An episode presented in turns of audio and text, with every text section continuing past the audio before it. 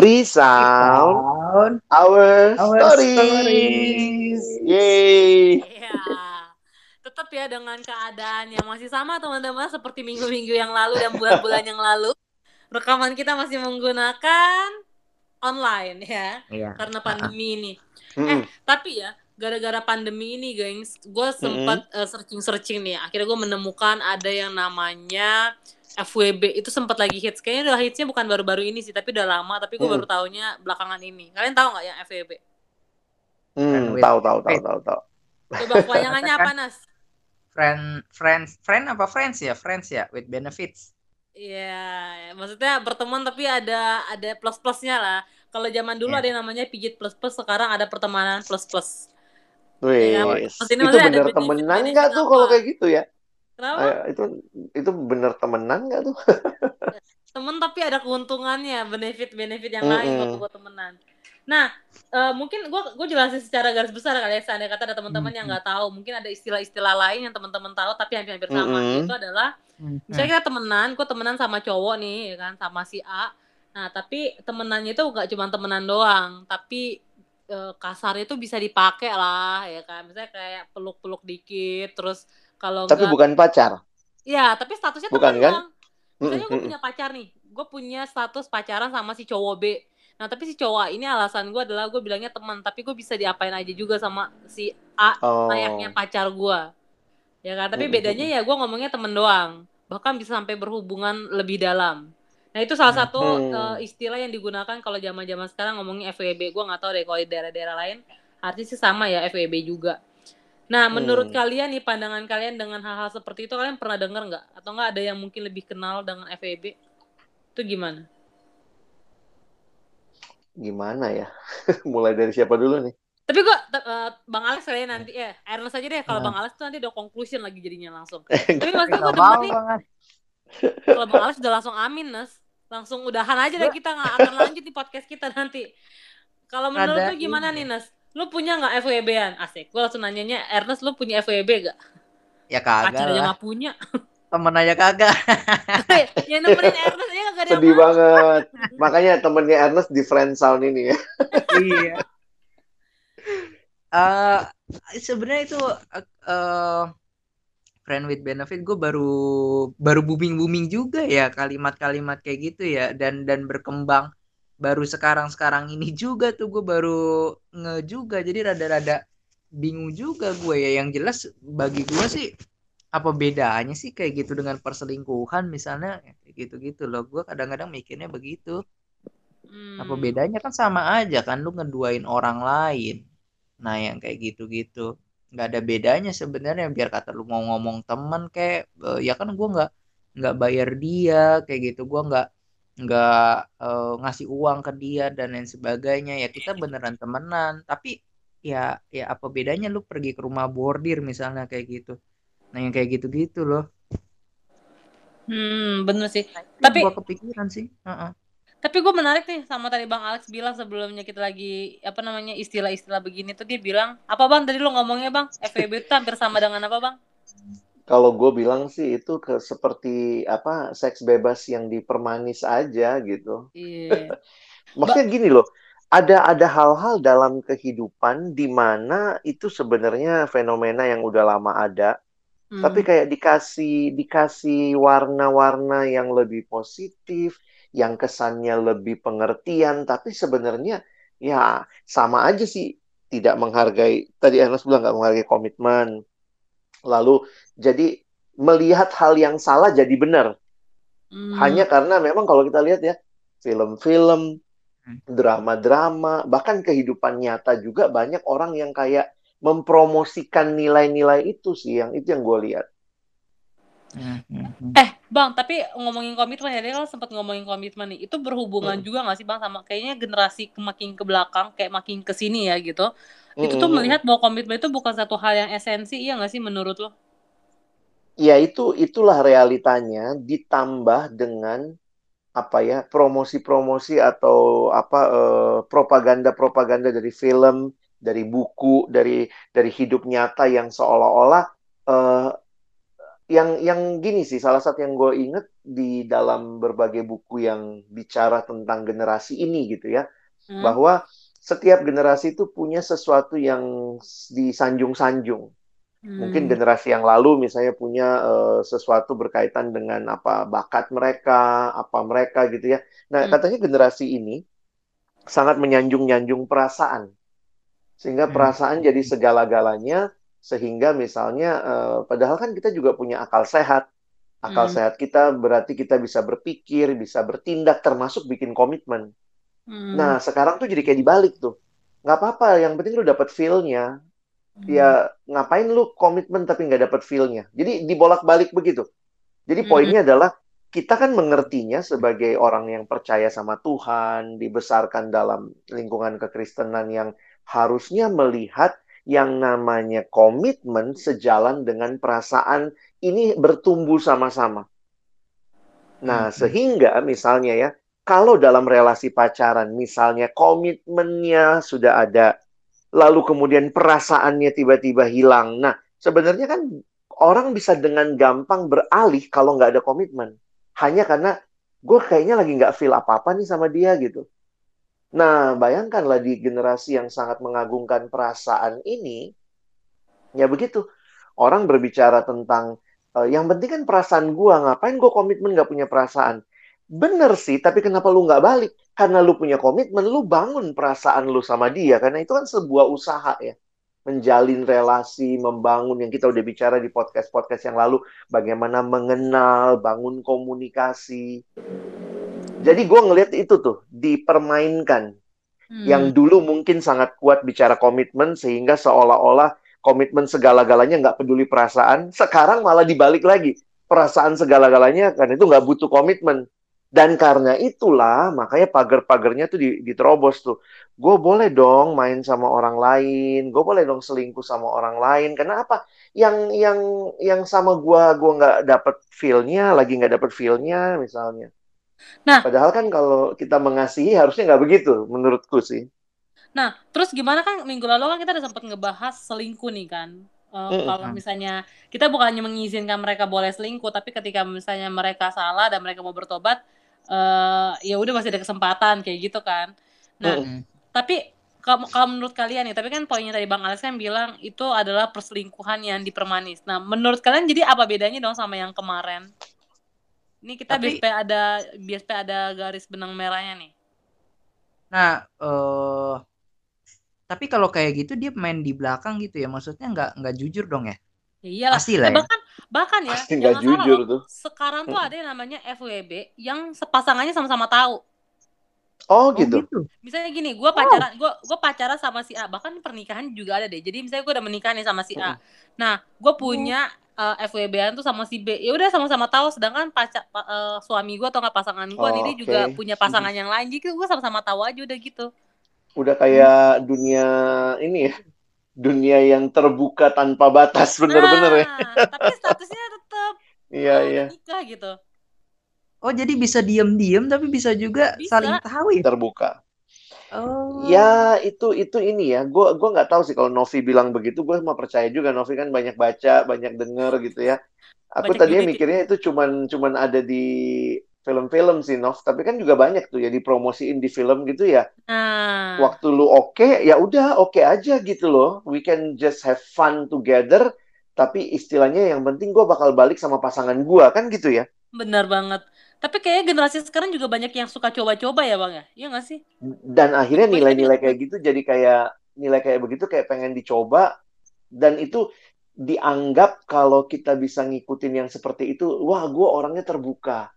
Wih, hmm. jadi kayaknya lebih maju dari orang-orang yang kolot dan tertutup. Waduh, hmm. ngeri banget ya. Ya terus gimana pandangan kalian ngeliat kayak gitu, geng? Ya, tetaplah pasangannya tetap di kayak gimana nih? Kan kalau tadi gue bilang kan kayak udah sama-sama tahu. Nah, kalau dalam kayak nah. gitu gimana nih, Bang? Apakah tetap kayak ya udahlah atau gimana nih? Jadi kayak yang satu misalnya kayak nerima aja, yakin dia akan berubah atau kayak udahlah ditinggalin aja. Tapi kan sulit. Misalnya gitu. Tapi bag menurut gue ya kayak gitu ya.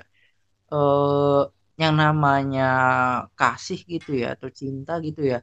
Itu tuh cuma bisa ke satu orang menurut gue tuh nggak kalau misalnya ada dua hal yang lo lo suka seperti itu ya ya pada akhirnya mesti milih menurut gue kalau lu bisa suka sama yang satu berarti yang satunya lagi lu lagi nggak nggak bukan lagi enggak ya menurut gue ya. Berarti lu nggak nggak cinta gitu dengan yang satunya lagi. Kenapa lu bisa ke orang itu kalau kalau yang satunya itu udah cukup sama satunya? Berarti lu nggak ngerasa cukup dong dengan yang satunya lagi yang sebelumnya. Nah itu kayak gitu. Karena gue pada akhirnya mikir memang harus memilih karena memang memang ha, menurut gue hati kita didesainnya seperti itu tuh kayak gitu. Untuk memberikan yang terbaik ke ke satu orang doang kayak gitu. Nah cuman gue nggak paham tuh kalau ada orang yang udah ngerti pasangannya begitu gue terima aja gitu. Nah itu yang gue nggak dalam sih menurut gue relasinya ya. Kalau kayak gitu ya sulit untuk membangun kepercayaan. Itu berarti cuma relasi yang dangkal yang yang uh, sesuai kebutuhan aja. Kalau gue lagi ada kebutuhan tertentu sama lu gue deket kayak gitu dan gue berelasi sama lu kalau enggak ya ya lu boleh sama dia gue nggak akan sakit hati juga kalau lu ke, ke dia dan dan sebaliknya seperti itu. Nah itu tuh sebenarnya dangkal sih kalau mau ada orang punya relasi kayak gitu ya ya terserah. Ya itu kan pilihan hidup ya. Cuman bagi gue nggak nggak nggak sesuai desain aja by desain hati gitu kalau gue ya. Hmm. gitu. Hmm. kalau gue ngelihatnya ya sama kayak Ernest. Maksudnya kalau Novi tanya tadi gimana tuh dalam podcast yang lalu kan kita ngebahas kalau selingkuh ya kayak kita kasih kesempatan lagi kita kenal dia baik-baik nah menurut gue tuh masalah pengenalan yang dalam sih yang kita butuhin ya Hmm. Gimana kita kenal benar? Jadi bukan cuman gini, iya gue mau berubah, tapi ini berubahnya maksudnya apa yang berubah? Jangan-jangan juga dia karena cuman nggak mau kehilangan kita, dia berubah.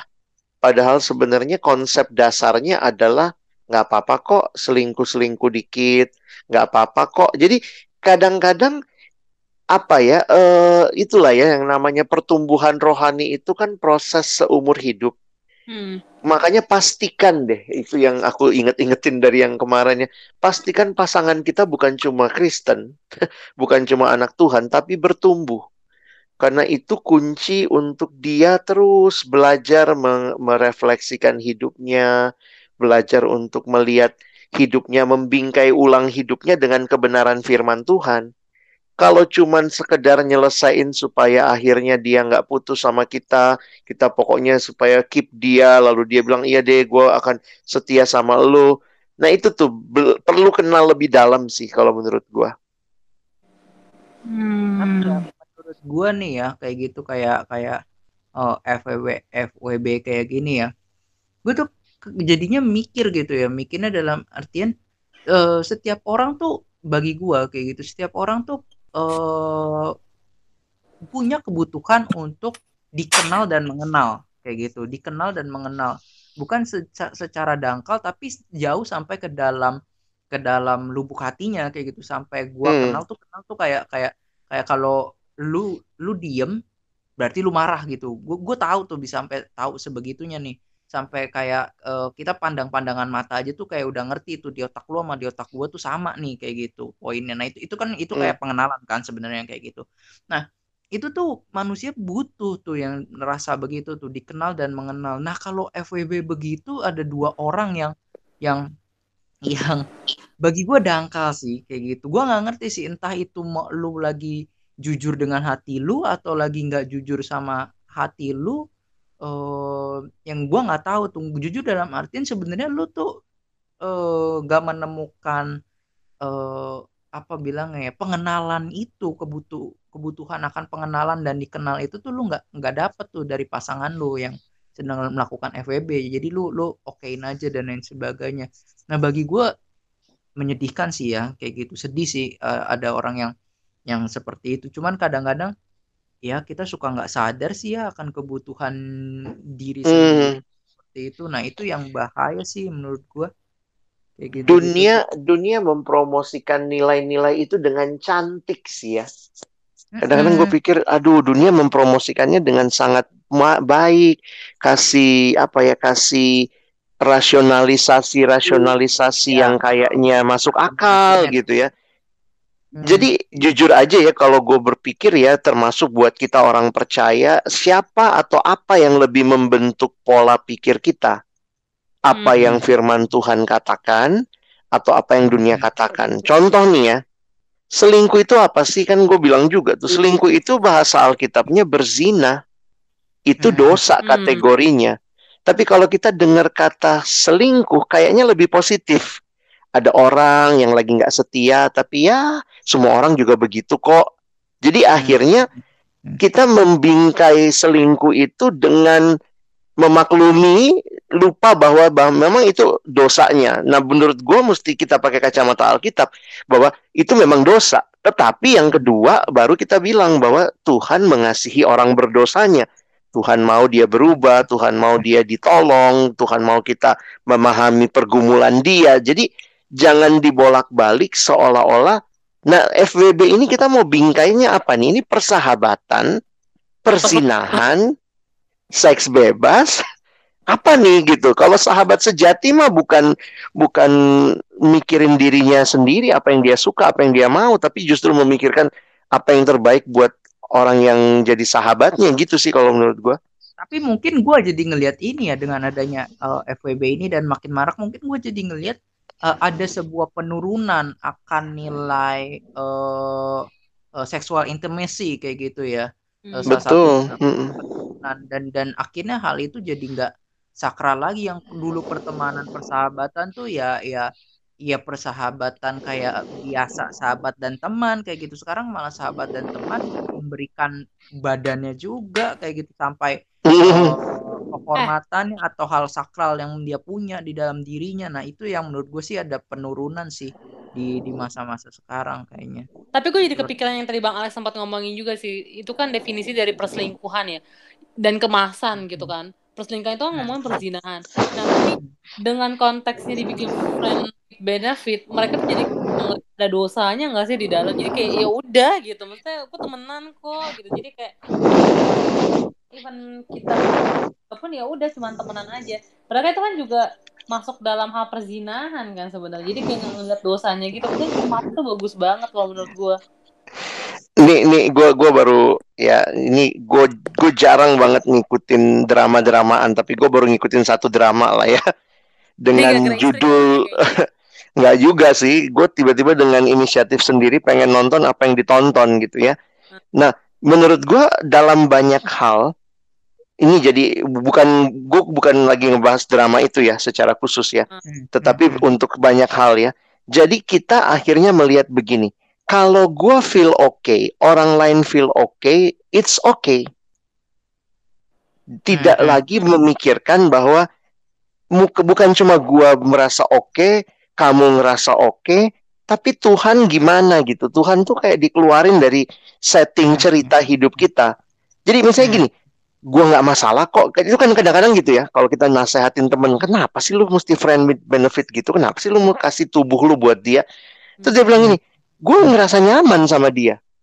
Terus yang satu juga iya, gue juga ngerasa nyaman sama dia. Nah, jadi kemudian dia akan bisa bilang gini, dia aja nyaman sama gue, gue nyaman sama dia. Siapa lu mesti ngomong-ngomongin gitu kan? Kayak kita Hmm. dianggap kenapa lu mesti campurin urusan gua, gua aja yang ngalamin santai aja gitu. Tapi Hmm. itu menurut gua kok jadi kita nggak ngebawa if it okay with you, okay with others, itu oke nggak sama Tuhan gitu. Dan Baik. di situ menurut gua yang kita perlu sama-sama pertegas gitu ya supaya generasi ke depan ini tidak menjadi tapi bener yang Ernest bilang tadi gua ngelihat ya susah banget melihat yang namanya fokusnya single gitu satu maksudnya kepada satu fokus gitu kan Tuhan bilang gini ya kasihilah Tuhan Yesus bilang kasihilah Tuhan Allahmu dengan segenap hatimu segenap jiwamu segenap akal budimu segenap kekuatanmu. Di situ gue ngelihat gitu. Kadang-kadang mungkin generasi ini sekali lagi memilah-milih, dipilah-pilih. Oh, gue mengasihi pacar gue, gue sayang banget sama pacar gue. Tapi untuk kepuasan seksual gue dapat dari friend ini gitu. Dia nggak bisa melihat totalitas dirinya harusnya untuk pasangannya gitu.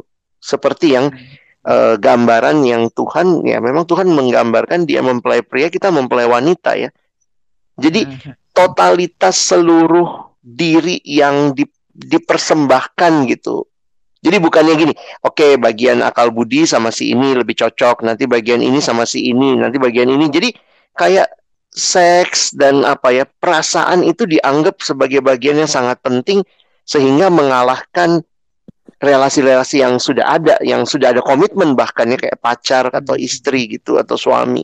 Itu sih yang gue lihat.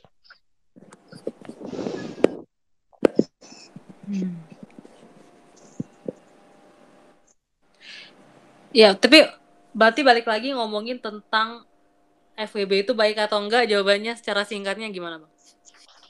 Kalau bagi gua ya, kalau tadi lu bilang bisa ada ngumpet-ngumpet gitu, ya ya namanya ngumpet-ngumpet ada yang benar apa gitu hmm. gitu maksud gua. Namanya ngumpet-ngumpet kalau misalnya emang itu hal yang benar ya lu lu pasang di status lu kayak gitu ya. Kayak di di Facebook kan suka suka in relationship with kayak gitu terus namanya ada banyak in hmm. relationshipnya kayak gitu Nah yang kayak gitu-gitu loh, gue juga tapi gue lagi mikirnya gini ya, maksudnya uh, dengan adanya banyak argumen kayak gitu, dengan adanya pembelaan dan lain sebagainya, satu sisi argumen-argumen itu kan bisa diterima di dalam akal gitu ya, di di dalam akal budi, rasional dan lain sebagainya. Uh, kelihatannya, kelihatannya uh, seperti itu.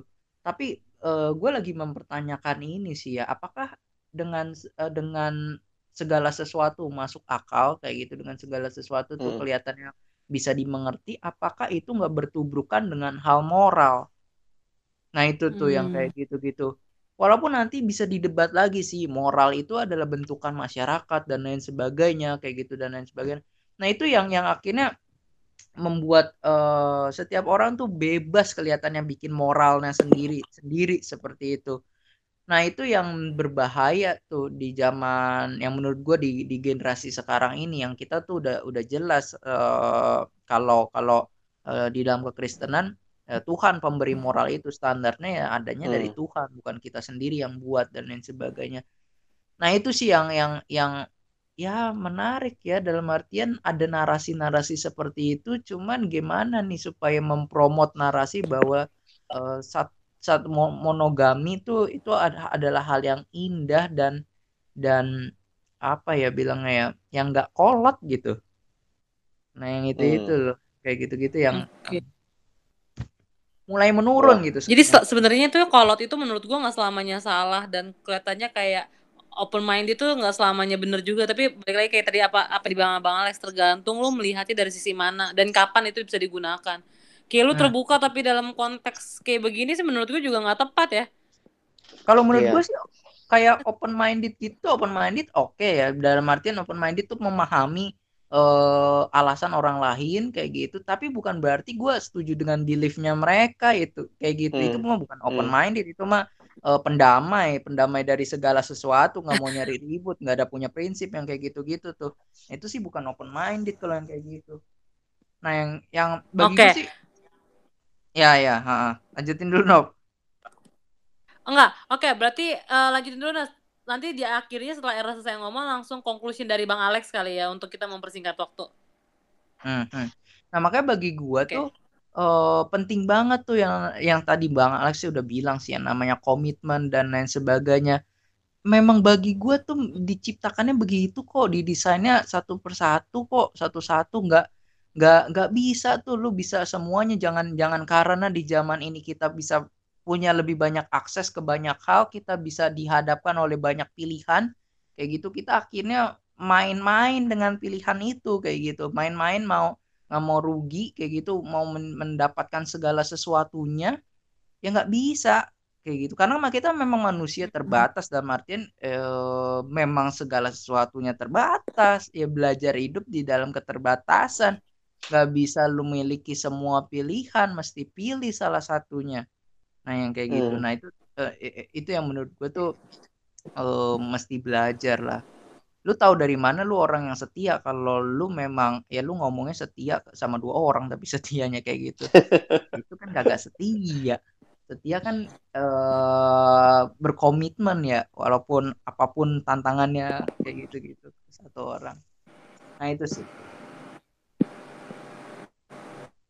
Oke bang, Gitu, conclusion dari bang Alex gimana? Aku akhirnya melihatnya begini ya, kalau ditanya tadi jawaban singkat. Jadi menurut abang friend with benefit itu gimana? Ya salah, udah gitu aja. Terus gimana alasannya? Gimana mengertinya? Ya kita mesti memahami apa yang benar. Jadi kadang-kadang memang yang salah itu kelihatan benar kalau kita sendiri tidak punya kebenarannya sendiri apa yang benar itu. Dan bertumbuh dalam kebenaran, aku pikir itu perjuangan seumur hidup kita, kenal Tuhan gitu ya. Dan eh, hati-hati dengan propaganda yang di yang disebut dengan benar itu bukan kebenaran itu bukan karena banyak yang follow. Kebenaran itu bukan karena banyak follower, bukan karena banyak yang nge-like, bukan karena banyak yang yang yang setuju, tapi kebenaran itu harus punya standar melampaui itu. Kalau memang itu disetujui karena benar, puji Tuhan gitu ya.